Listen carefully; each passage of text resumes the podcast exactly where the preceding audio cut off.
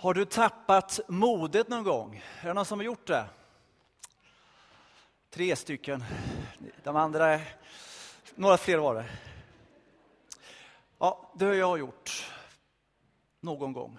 Då känner jag mig väldigt liten, ynklig, betydelselös och kraftlös. Och då kommer tankarna, äh, men varför ska jag vara pastor egentligen? Vad har jag att ge för något? Vad gör jag för skillnad? Och så ska jag prestera massa saker som ska få andra att växa. Och det jag gör blir inte så bra som jag skulle vilja. Andra gör det så mycket bättre. Och när modlösheten griper taget om mig så grips jag då utav resignation, uppgivenhet, trötthet, tristess och otro. Är det någon som har känt så någon gång? Kanske att jag har för höga krav på mig själv. Men samtidigt tycker jag att man ska ha höga ambitioner i sitt arbete. Vi lever i en tid då det kan vara lätt att tappa modet. Det finns så mycket som vill påverka oss att tappa modet. För oss som arbetat så har de flesta nu haft semester. Och vi har haft en fantastisk semester, jag och min familj. Jag är så tacksam för det. Men jag vet att tittar vi ut över Sverige, och kanske också här, här i vår kyrka då, så blev inte semestern så som du hade tänkt dig. Du hade mycket förväntningar, men det blev inte riktigt som du hade tänkt dig. Semestern som skulle vara kravlös blev istället kravfylld. Semestern som skulle ge energi tog istället energi. Och så blev det slitningar i relationerna. Och nu till veckan så börjar skolan till alla stora glädje som sitter här längst fram som elever, eller hur? Yes. Nej, det kanske inte alltid är så. Ibland kanske man känner en press. Man vill ha bra studieresultat och det är ju jättebra. För att få bra betyg, för att kunna plugga vidare, för att få ett bra arbete. Och efter semestern så börjar man arbeta igen.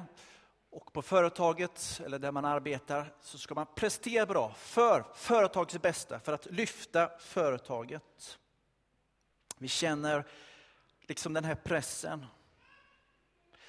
Och ibland blir vi besvikna på människor som vi hade hoppats mer ifrån. Och ibland blir vi till och med svikna utav vänner.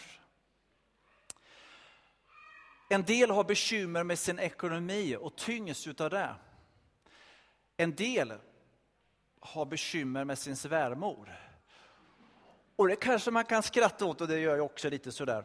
Men faktum är faktiskt att ekonomi och svärmor är på tio topplistan utav det som gör det svårast i ett äktenskap. Speciellt när man är nygift. Och så ska man vara lycklig och så känner man sig inte lycklig. Och kanske när man kommer upp i åren vid ålderns höst och ser tillbaka på livet så blev det kanske inte riktigt som du hade tänkt dig. Ibland kan det bara bli för mycket och så tappar vi liksom geisten, livsglädjen och grips av leda och meningslöshet. Och så kanske man känner igen sig i en av författaren i Bibeln, Salomo, som var kung. Han skrev en bok som heter Predikaren. Vad tjänar allt strävande till egentligen? Och den här känslan och missmodet kan vi också drabbas av i vårt kristna liv. Vad tjänar det till egentligen att jag är kristen? Oh, jag känner mig så usel. Jag läser Bibeln alldeles för lite och jag ber så lite. Jag har så mycket brister. Många saker som inte många har en aning om. Bara de visste hur det var. Vad är jag egentligen för föredöme? Vad ska jag gå för till kyrkan? Och varför ska jag vara med i församlingen? Jag får inget ut av det. Och ta med mig någon vän till kyrkan? Nej, nej men tänk om det händer, det kan jag inte göra. Bättre då att vara hemma. Och så drar man sig undan. Och så ofta så dröjer det inte länge förrän man tappar den nära kontakten med församlingen. Kanske inte alltid kontakten med Gud, men innerligheten med Gud. Det är lätt att tappa sugen. Världen är full av tappade sugar. Det var ett fantastiskt uttryck, eller hur? Man ger upp. Rakt in i Guds folk så smyger sig ibland den här modfällheten och missmodet in. Det kan vi också läsa om i Bibeln. Bland Israels folk, där Gud hade lovat att alltid vara med dem, så tappar de sugen ibland. De blir missmodiga och glömde alla löften som Gud hade gett dem, fastän att han hade visat sin trohet mot dem så många gånger. Man kan uppleva att man arbetar och man strävar och gör så mycket, men ändå blir det så lite resultat. Allt ser så kristligt ut, men man saknar kraften. Du rullar på i gamla fotspår. Timoteus han talar om detta i Andra Timoteusbrevet kapitel 3. Att man bär fromheten som en mask, men vill inte veta av dess kraft. Allting sitter liksom utanpå. Men det bibelord jag ska läsa nu vill hjälpa oss att rikta blicken från oss själva till Gud. Från våra egna svagheter till Gud som står på vår sida när det känns motigt och besvärligt och hopplöst. Det man ska veta när man känner sig modlös, det är att man inte har fått modlösheten från Gud. Nej, det har man inte. Vad står det då i, först, eller i andra Timoteusbrevet kapitel 1 och 7? Ty Gud har inte gett oss modlöshetens ande, utan kärleken, kraftens och självbesinningens ande. Så när du känner dig hopp, att det känns hopplöst, modet sviktar, det känns tungt, så kommer inte det från Gud. Det kan vi veta.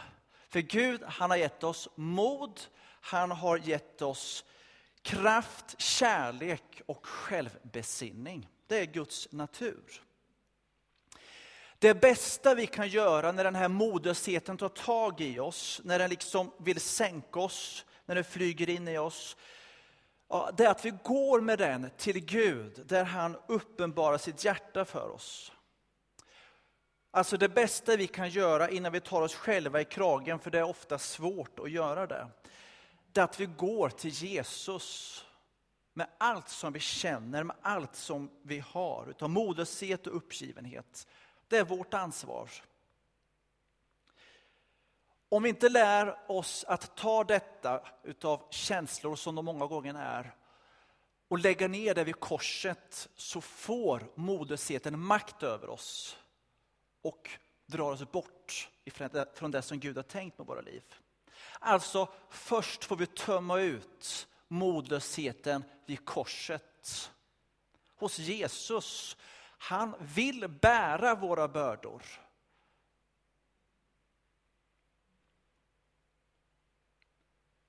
Och sedan får vi fylla på från samma källa.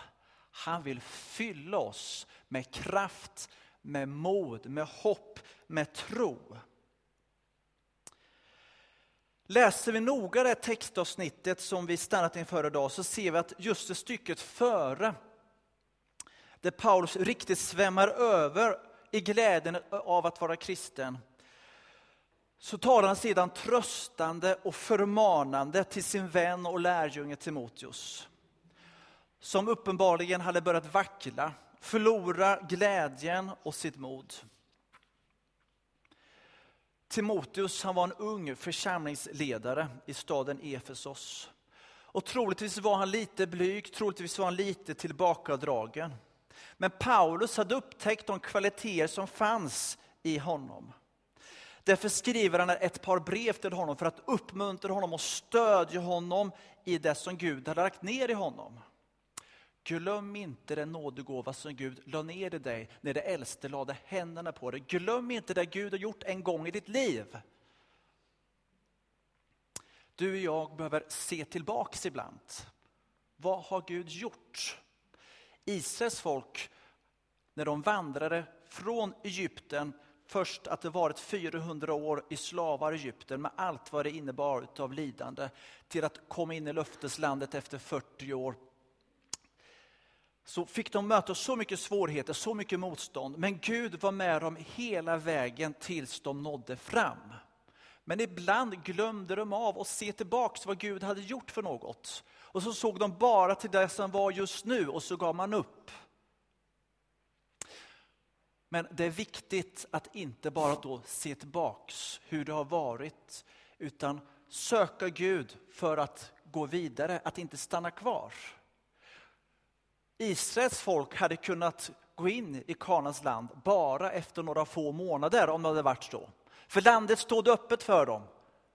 Mose hade skickat spejare och två stycken var fyllda av tro. Klart vi ska inta landet, det står öppet för oss, det flyter av mjölk och honung. Men de andra tio spejarna sa, det är omöjligt. Det Eh, höga befästa murar på städerna, det finns jätter i landet, vi kan omöjligen dra in dit, det går inte. Och folket lyssnade på dessa tio spejare som var fyllda av missmod. Och det ledde till att de i 40 år fick vandra i öknen i onödan. Oh. Men tänk, Gud han var ändå nådefull för han var med dem under de här 40 åren också. Men så onödigt kan man tycka. Och så kan det också vara i våra liv. Att ibland får vi liksom gå runt helt i onödan därför att vi inte går när Gud öppnar dörrarna och tar vara på möjligheterna som Gud ger oss. För att vi grips av missmod. Därför ska vi inte låta oss gripas av missmod, utan istället i Herrens Jesu namn bli fylld av den heliga Ande. Och det är det som är temat den här hösten, Andens liv, frukt och gåvor. Vi har en kraft att räkna med, en Gud att räkna med, som kan förändra situationer, hur hopplöst det än ser ut. Trots att det är höga murar med befästa städer, trots att det är jättar. Ja, men har Gud sagt en sak, ja, men då går det. Det går då.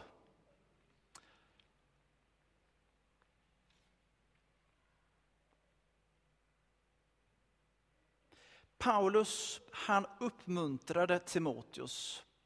För vad jag förstår av den här texten så hade han blivit orolig, han hade börjat tappa modet. Omgivningen hade börjat ifrågasätta hans tro och till och med börjat uppträda hotfullt mot honom. Ja, då är det liksom lätt att ligga lågt att försöka undvika att utmana omgivning och andra människor. Timoteus han hade börjat anpassa sig. Han hade börjat lyssna på både tvivlande och raljerande röster. Och genast så gör sig modlöshetens ande påmind. Han hade börjat skämmas för sin tro. Och genast försvinner kraften och glädjen. I vår tid vill en del begränsa oss och säga Ja, att tron är en privatsak, det ska man inte besvära andra med. Var och en blir salig på sin tro. En del vill inte veta av frimodiga kristna som utmanar världens vise, dess lösningar och tankegångar. Ibland kanske vi tänker, men är det inte övermodigt att bekänna sin tro, som säger att det inte finns någon annan än Jesus. Att det är bara han som är vägen till Gud, att endast han kan förlåta sin synder. Är det inte bättre att vara bara en hygglig människa och göra så gott man kan? Måste man verkligen gå i kyrkan? Varför ska jag tillhöra en församling för? Och ju mer jag lyssnar på de här tankarna, ju mer förvirrad blir jag och blir mer Förbryllad blir jag. Ja, tänk om det ligger någonting i kritiken, tänker jag då. Det bästa ligger lågt, man, man, man kan ju inte riktigt veta.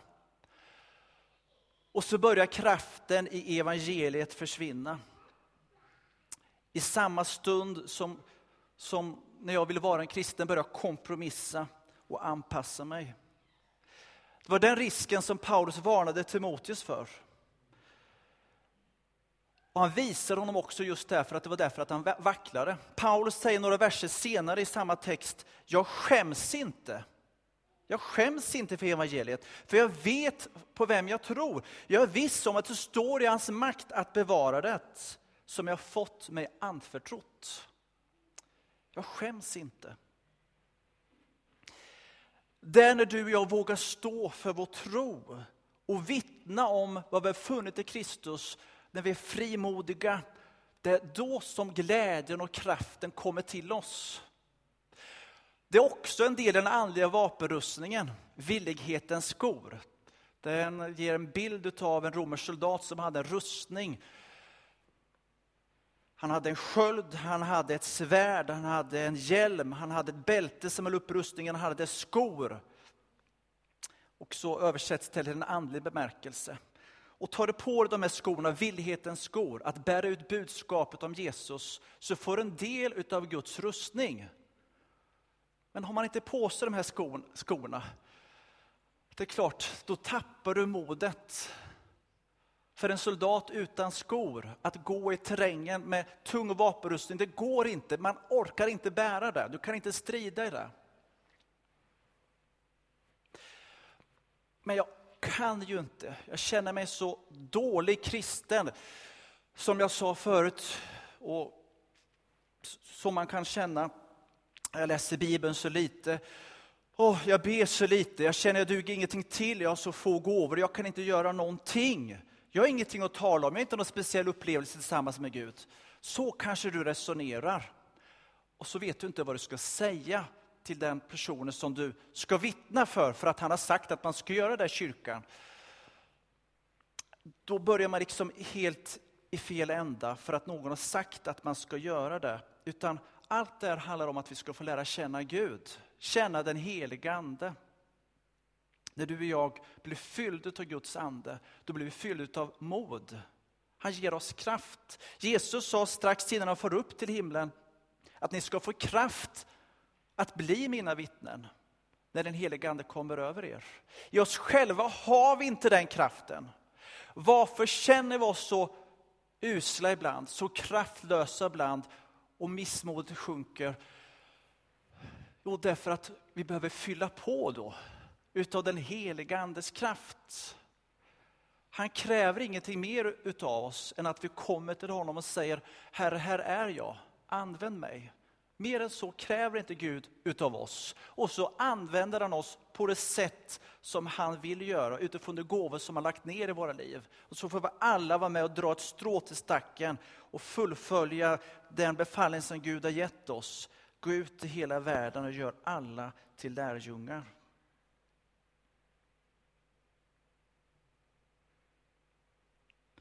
När Jesus framträdde i världen så mötte han motstånd. Och det ingår liksom i paketet att bli en kristen, att möta motstånd. Och många gånger så är motståndet i oss själva, när vi brottas med våra egna känslor. Men Gud har sagt att han vill vara med oss. Han har sagt att han inte gett oss modets ande, utan kraftens, kärlekens och självbesinningens ande. Vi får aldrig glömma det. Timoteus, han frestades att ligga lågt. Trots att han visste att det var rätt, det som han hade funnit. Modlöshetens ande säger, ja, du har fel. Du orkar inte bekänna Jesus. Vem är du egentligen? Och så griper jantelagen tag i dig och säger, du ska inte tro att det är något. Men den helige Ande, han vill komma och han kommer, självbesinningens ande och påminner oss om vad Jesus har gjort för oss. Så måste vi också komma ihåg att vi ännu lever i fiendeland. Den här fallna världen som har gjort uppror mot Gud och sin skapare kan inte heller tåla vad vi har funnit. Djävulen kan alltså inte tåla vad vi har funnit. Han vill hela tiden locka oss och dra oss bort ifrån den nära gemenskapen tillsammans med Jesus, ifrån beroendet utav den heliga Ande.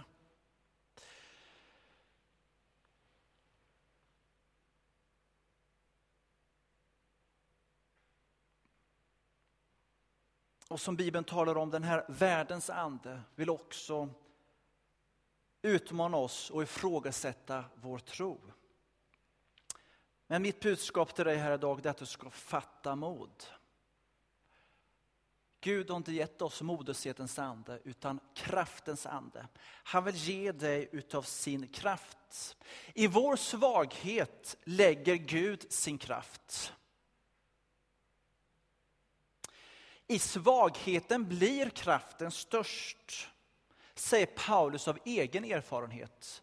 Många gånger tycker man i Bibeln att det är så tvärtom mot ja, hur det är egentligen, som vi kan se och, och liksom uppleva vår samtid. Och så är det.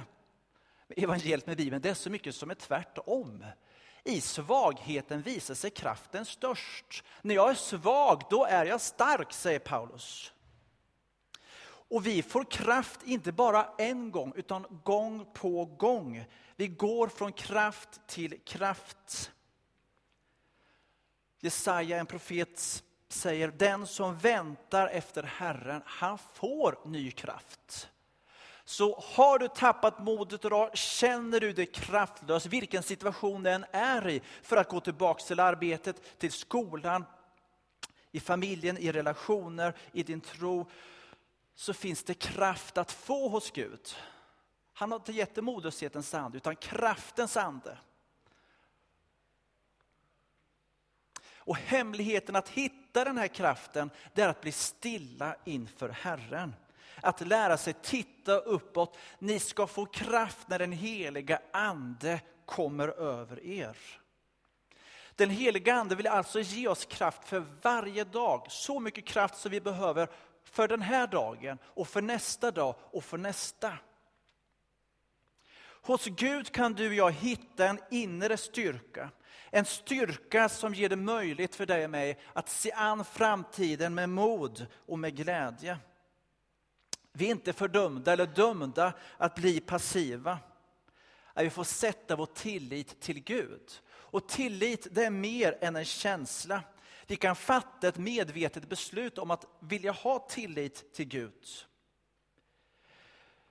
För att stå fasta vid detta beslut så måste vi, precis som det mänsklig vänskap, satsa helt och hållet på att ha en personlig relation med Gud. Vänner kan man ha, men vänner kan man också mista. Man måste vårda relationen. Så är det också med Gud. Att ha det som sitt första i sitt hjärta, att söka Guds rike först, att söka honom först. Att blicka mot Jesus. Med Jesus så är vi alla Guds barn. Och genom att förnya vår tillit till honom varje dag så får vi en inre styrka, en orubblighet som en del av barnasinnet. Ett barn, ett litet barn känner en full tillförsikt till sina föräldrar. Normalt sett är det så. En full tillförsikt. Det var inte för inte som Jesus ställde fram barnen och sa, ni ska vara som ett barn för att komma till himlen. I vår tro så kan vi få vara som barn, att ha en full tillit till Gud. Och när vi har den här tilliten så ligger det till grund för både stora och små beslut som vi fattar. Och då kan vi, då kan vi se an framtiden med heligt mod. Den heliga Ande vill vara med dig i skolan, han vill vara med dig på arbetet, hemma eller var du än är. Varje dag vill han ge dig utav sin kraft. Gud har inte gett oss modlöshetens ande. Han har också gett oss kärlekens ande. Paulus säger i Romarbrevet 15, 8, att han har inte gett oss ande som gör oss till slavar. Vi behöver inte som slavar leva under fruktan. Det är den heliga Ande som hjälper oss att se att vi är Guds barn. Att vi får det här barnaskapets glädje, tacksamheten. Tänk Gud, han är min far och jag får vara hans barn. Jag får ärva hans rike. Jag vet att mitt riktiga hem det finns i himlen. Och en dag ska jag få möta min frälsare, för han ska komma tillbaks en gång. Det är där liksom jag har min lust. Att vi hittar ett kärleksförhållande till far. Vår kärlek räcker inte alla gånger så långt. Vi behöver ständigt fylla på. Kärlekens ande ifrån Gud vill utgjutas i våra hjärtan. Och det kan få bli drivkraften i våra liv. Kärleken till Gud, kärleken till min make eller maka, till min familj, till församlingen, till mina medmänniskor. Kärleken är en av Andens frukter som mognar fram ifrån våra liv utifrån gemenskapen tillsammans med Gud. Gud har inte gett oss modlöshetens ande, utan har också gett oss självbesinningens ande. Vad betyder då självbesinning? Jo, det handlar om att jag behöver inse vem jag är. Att jag har mina begränsningar, att jag faktiskt är beroende av Guds kraft. Men också att jag har inneboende kvaliteter. ja, kvalitet, vad säger man? Kvaliteter. Ja. Att jag har möjligheter, att Gud har lagt ner så mycket i varje människas liv och att jag också har det. Det är att komma till besinning, att inte bara se på sig själv att man är så dålig, utan det finns så mycket kvaliteter i varje människa och i dig som Gud har lagt ner. Gud vill genom sin ande hjälpa oss att få ett sunt omdöme om oss själva. Självbesinningens ande vill också hjälpa oss så att vi inte drivs av våra begär. Utan få oss att stanna till, att besinna oss, att inte se på andra, att inte bli avundsjuk, missbelåtna, utan att vi får en förnöjsamhet. Grundtryggheten ligger inte längre i våra prestationer eller vår duktighet. Guds ande ger oss en djup glädje som inte beror på vad vi gjort eller hur duktiga vi är, utan på vad Gud har gjort i våra liv genom Jesus Kristus när vi blickar på Jesus ser vad han har gjort i våra liv som vi fylls av tacksamhet. Inte först och främst vad vi, vad vi har gjort för honom, utan vad han har gjort för oss. Det är då vi fylls av tacksamhet. Vad han har gjort för dig och mig. Vi behöver alltså inte tappa modet. Tänk på vem Gud är, vad han har att ge dig. Han vill ge oss av sin kraft, sin kärlek och sin självbesinning. Vi ber tillsammans i Jesu namn. Och jag tackar dig Gud för att du inte har gett oss modershetens ande utan kraftens, kärlekens och självbesinningens ande. Och jag tackar dig för att vi får komma till korset, vi får komma till dig och utgjuter våra hjärtan. Och när vi känner oss modlösa och vi känner liksom hur det griper tag i oss, hur hopplösheten kryper in i vår själ och vi börjar tappa modet. Så får vi ge det till dig Gud. Och jag tackar dig då att du är där. Och du lättar på våra bördor. Och du bär våra bördor. Och jag tackar dig att du då fyller oss med din heliga Ande så att vi kan fatta nytt mod. Och du ger oss ny kraft. Och jag ber Gud att du ska hjälpa oss att först och främst se på vad du har gjort i våra liv. Och inte se på oss vad vi har gjort för dig, utan att vi har vår glädje i vad du har gjort för oss. Och jag ber dig helige Ande att du ska fylla oss med din kärleksande så att vi kan älska. Att vi får leva i den första kärleken tillsammans med dig. Och att det blir en frukt i våra liv, Herre. Där vi får älska. Där vi gör en skillnad därför att vi älskar i vår omgivning. Och jag tackar dig att du kan låta denna kärlekslåga få blåsa in i oss här idag. Förnya kärleken till våra medmänniskor. Och jag tackar dig också att du ger en ande av självbesinning så att vi ser på oss själva på ett rätt sätt. Att vi ser på allt det goda du har gjort för oss, på de kvaliteter vi har. På att du har skapat oss övermåttan underbar. Att du har en tanke med våra liv, en plan med våra liv. Att du vill använda oss och att du älskar oss, att vi får vara dina barn. Befria oss ifrån prestationsångest. Befria oss allt som vill liksom ta modet från oss och stressa oss. Och hjälp oss att besinna oss och se att du är en god Gud som har omsorg om dina barn. Hjälp oss att aldrig tappa detta, denna tillit som ett barn har till sin mamma och pappa. Att vi får ha denna tillit till dig Gud. Att du har omsorg om det dina. Och därför vill jag be speciellt om välsignelse över oss var och en här idag.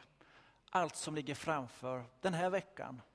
Den här fortsättningen av sommaren som är på väg att gå till sitt slut, hösten som kommer. Olika saker vi kanske bär på, som vi fruktar för eller känner en viss bävan för. Men jag tackar dig Gud att vi får komma till korset gång på gång. Vi får ge denna modlöshet och kraftlöshet och svaghet till dig. Och då ska vi också få förnimma att när vi är svaga, då är vi som starkast. För då kommer du fylla på med din kraft. Och jag tackar att du giver och giver igen. Att det tar aldrig slut du har att ge oss Gud. Jag prisar dig, jag ärar dig så i Jesu namn. Amen.